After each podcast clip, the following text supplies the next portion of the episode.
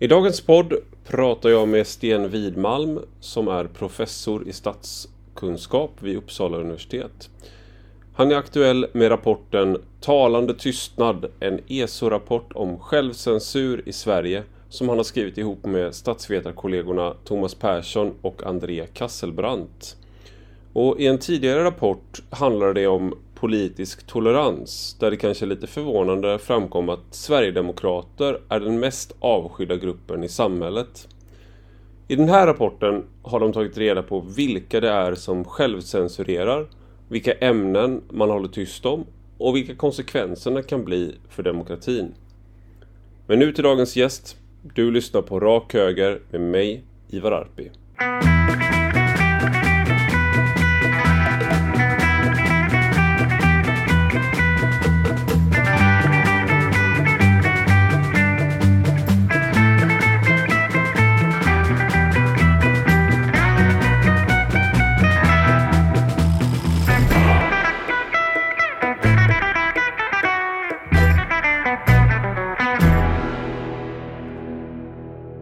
Välkommen Sten Widmalm till Rak Höger. Tack.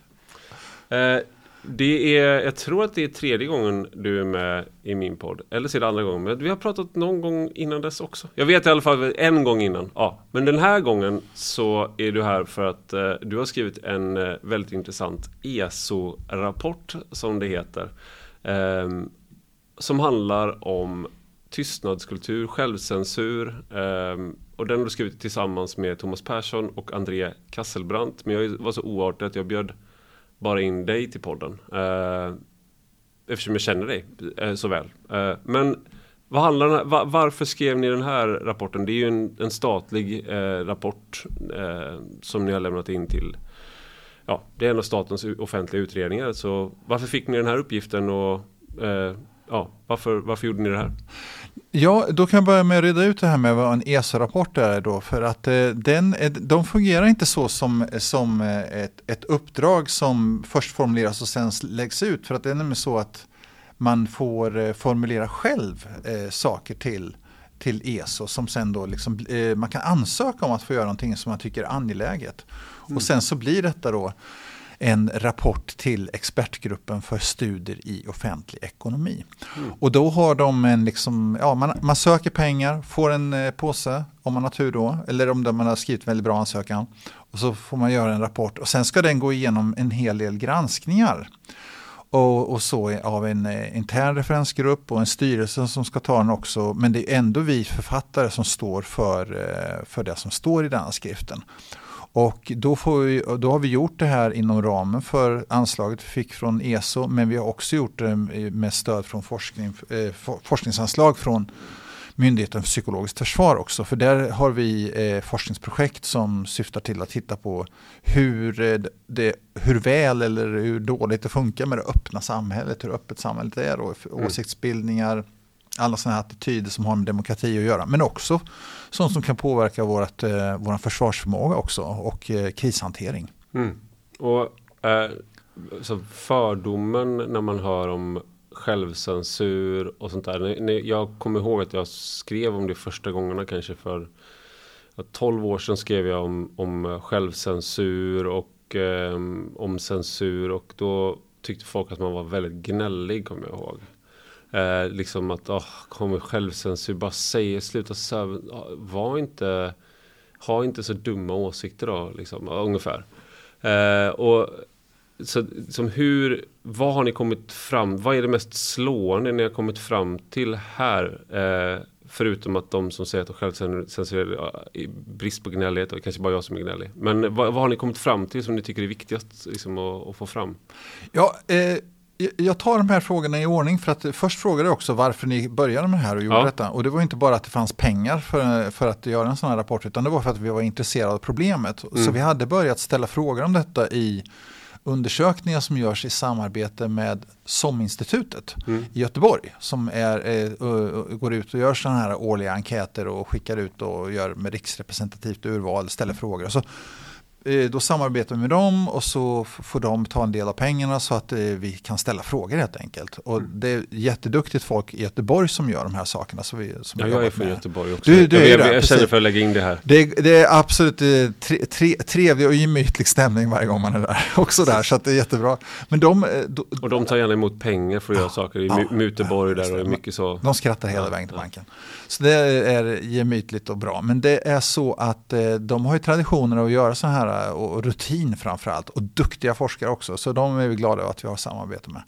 Men anledningen till att vi ställt de här frågorna eh, är följande. Och det kan vi börja med att säga att det här är ingenting som undersökts särskilt i svensk forskning överhuvudtaget tidigare. Mm. Och det är lite konstigt här, men det är så nämligen med två frågor som vi har på med i det här öppna samhället-projektet. Då. Det är att politisk tolerans och självcensur har inte varit politiskt opportunt att undersöka tidigare i Sverige. Det har skett i väldigt liten utsträckning. har det gjort. Mm. Så vi har, eh, men eh, jag har på med politisk tolerans i Indien, Pakistan och eh, i, eh, i Uganda. Skri- och gjort undersökningar där. Och intresserat med detta därför att eh, väldigt tidigt i amerikansk forskning efter andra världskriget så, så fanns det en man som du känner till som hette Samuel Stauffer. Och han, han, gjorde han, han utvecklade surveyteknik och formulär, såna frågeformulär för att ta reda på opinioner och sånt för, under kriget för att få det, försvaret att fungera bra. Mm. Och det forts- den typen av undersökningar fortsatte han med sen och gjorde då politisk toleransundersökningar. Men han också, också så undersökte han självcensuren. Därför att under McCarthyismen i USA på 50-talet så var det ett, eh, en stor oro för att man höll på så att säga eh, slänga ut sig själv med badvattnet så att säga. För att eh, man var så orolig för kommunist, mm, kommunismen av goda skäl. Men det ledde till att man gjorde saker som började då motverka demokratin i landet. Genom att förbjuda åsikter, förbjuda organisationer, svartlista eh, personer och så då, då var det ju kommunister och homosexuella som liksom då råkade värst ut Mm. och så, sådant. Och då så kom Samuel Stafford mm, att eh, göra undersökningar som började, när man började ställa frågor om hur mycket man självcensurerar, för då fick man ju en känsla av att i samhället så hade den här självcensuren brett ut sig för mycket då på grund av rädslan för Mm. vad staten gjorde för den inte kontrollerade sig själv särskilt bra. Men då så, när man ställde frågor då om detta som eh, eh man frågar då ifall det fanns eh, eh, frågor som man inte vågar, vågade tala högt om inför andra därför att man var rädd för sanktioner av olika slag. De, de här frågorna har ställts över tid på lite olika sätt men det är ungefär det man är ute efter i alla fall. Att det är någonting som går bortom vanlig artighet vid middagsbordet Mm. till det som är angeläget att få säga i politiska sammanhang som, som man verkligen vill prata om men inte känner att man kan därför att man är rädd för repressalier av något slag. Mm. Det är det man är ute efter. Och då visar det sig att i USA när man gjorde undersökningar om detta så var ungefär 13 procent av befolkningen, eh, de sa att eh, de var eh, benägna att självcensurera. Mm. Och sen så har det gjorts mätningar över tid och det har då kommit intressanta resultat från USA.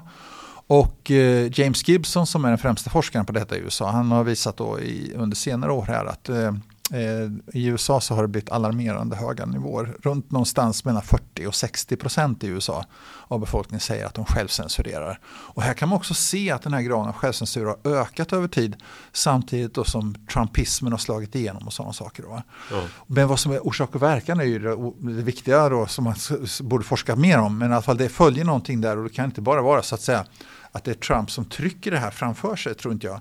Eh, Och inte andra heller, utan det handlar också om hur, vad man fångar upp och liksom kan kapitalisera på. Mm. Och det kommer vi kanske tillbaka sen när vi pratar om resultaten, för jag tror att det finns ett sånt fenomen här också. Mm. Men när vi kommer till resultaten i Sverige då i alla fall, så visar det sig i de två mätningar som vi gjort tillsammans med SOM-institutet i Göteborg så eh, visade det sig i undersökningarna 19, eh, som gjordes 2021 och 2022 då, att självcensuren i Sverige ligger på strax över 50 procent.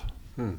Och då, är- det är intressant också att eh, den politiska toleransen det är inte någonting som har varit opportunt att undersöka i Sverige. Men du har då forskat om det till exempel i, eller i Indien. Och det är, vissa, vissa frågor är, eh, jag vet inte om det ligger i sakens natur.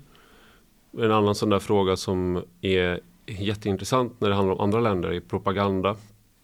rysk propaganda, propaganda i andra länder, kinesisk propaganda, kommunistpartiet och så där. Det är, det är spännande forskningsämnen. Och så ställer man, ja okej okay, men hur ser det ut med propagandan i Sverige? Så är det Eh, det, det, det, är mycket, mycket svårare för att då blir det på något sätt Då börjar man vända blicken mot sig själv. Eh, Och politisk tolerans är något liknande kanske Tänker jag att det är för att då är du inne i ett, eh, Man kanske inte ska vara tolerant mot vissa Man kanske borde vara intolerant. Och Den typen av frågor. Eh, är det, är det något sånt som ligger bakom att man inte har velat utforska det så mycket tidigare? Ja, jag, alltså jag har ingen färdig analys av det och som tur så slipper jag, eh, försö- eh, måste jag inte heller ha det för att eh, så länge jag får forska om det så, så, så behöver jag inte ställa frågor om Nej. det här. Men, Nej. men jag tror att man skulle kunna forska om det, va? bara ja. frågan. Ja. Varför den har varit så, för att vi stöter ju, jag stöter, när jag började ställa de här frågorna mm. så, och var ute med och föreläste om eh, frivilliga, frivilliga organisationer bland partier och andra så här, så var det alltid några som ställde sig och var förbannade för att man frågade eh, ställde frågan, ställde frågor som gick ut på att, att man skulle vara så att säga tolererade de här. För att då sa man så här, det som låg väldigt djupt rotat. Och den åsikten ser man, eh, har setts under senare tid också. Man säger så här att, men det är inte frågan om att du ska tolerera andra, det är att du ska respektera dem.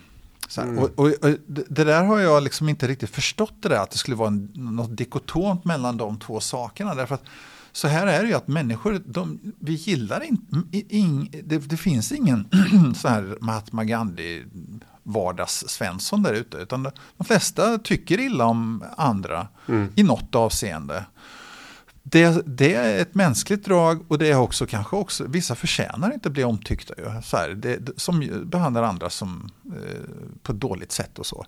Mm. Så det är inte konstigt. Men däremot så är det frågan om hur långt är vi beredda att gå sen med att dra in rättigheter för de människorna vi ogillar. Mm. För att så är det i en demokrati, att man måste kunna ha liksom en idé om det här med politisk tolerans för att eh, demokratin överhuvudtaget ska fungera. Mm. Du måste gå, vara med på att frånhända dig makt till dem du inte gillar faktiskt. Om, men då måste vi sätta ett ramverk här. För att mm. Är det nazister och det är eh, extremister av olika slag, vad du än kan komma på, så är det ju liksom inte, det är inte politisk tolerans eh, som Karl Popper och Jürgen Habermas har eh, förklarat för oss. Om du tillåter de här personerna, att du är tolerant mot de extremt intoleranta, då, mm. då mäter du till slut fel sak så att säga. Mm. Så därför så har vi gjort då, vi, när vi mäter toleransen så går vi hit och tittar på eh, ja, då, då nämner ju grupper som det inte, du kan inte nödvändigtvis säga att de är liksom eh, antidemokrater. Nej. Det, kan vara, det kan vara köttätare och det kan vara centerpartister och allt möjligt. Så att det. Det, det, finns många olika saker där. Men då, men då i alla fall så kan man titta på eh, vem ogillar man mest och hur mycket rättigheter drar in. Så det har vi fått mm. resultat. Men det här, det handlar om självcensuren. Så det är, mm. lite, det är en fortsättning av samma grundtema kan man säga. Mm. Och när vi hittade förvånansvärda resultat i, eh, i, den här, eh, i de här toleransfrågorna eh, för Sverige, att det var mycket mer vi trodde fast på an, vissa områden som vi inte hade räknat med. Det var den säkrast mest ogillade gruppen var Sverigedemokrater om jag inte minns fel. Och det var det vi pratade om förra gången. Det var, det, det var väldigt, väldigt slående stor skillnad mellan så där, ettan och tvåan och trean och sådär. Ja, just det, precis. Och det var liksom, det är ju, förut var ju antivaxare väldigt högt också, men de har mm. sjunkit nu. Eh, eh, de som eh, lobbar mot aborträtten är nummer mm. två. Och allra högst upp i toppen ligger Sverigedemokraterna då, som de som är, man tycker man ska dra in de demokratiska rättigheterna för. Mm. Så det, och det tycker, och det goda nyheterna med detta det är att vi inte hittar, vi hittar väldigt få indikationer eller inga alls på att eh, folk vill lista minoritetsgrupper i samhället av, eh, eh, av olika slag som man kan ha i ett samhälle. Så att det, mm. Xenofobi till exempel, det, det, ser vi inte, invandrarhat ser vi inte alls på det sättet. Det, det, det är jättebra mm. och eh, tre, liksom, upplyftande för svenska demokratin att den är så lite präglad av, av, sån, av sådana inställningar. Mm. Så det, det, det är ju, men de goda nyheterna är inte så många som vill göra rubriker av, är det inte? Nej. Men, tyvärr.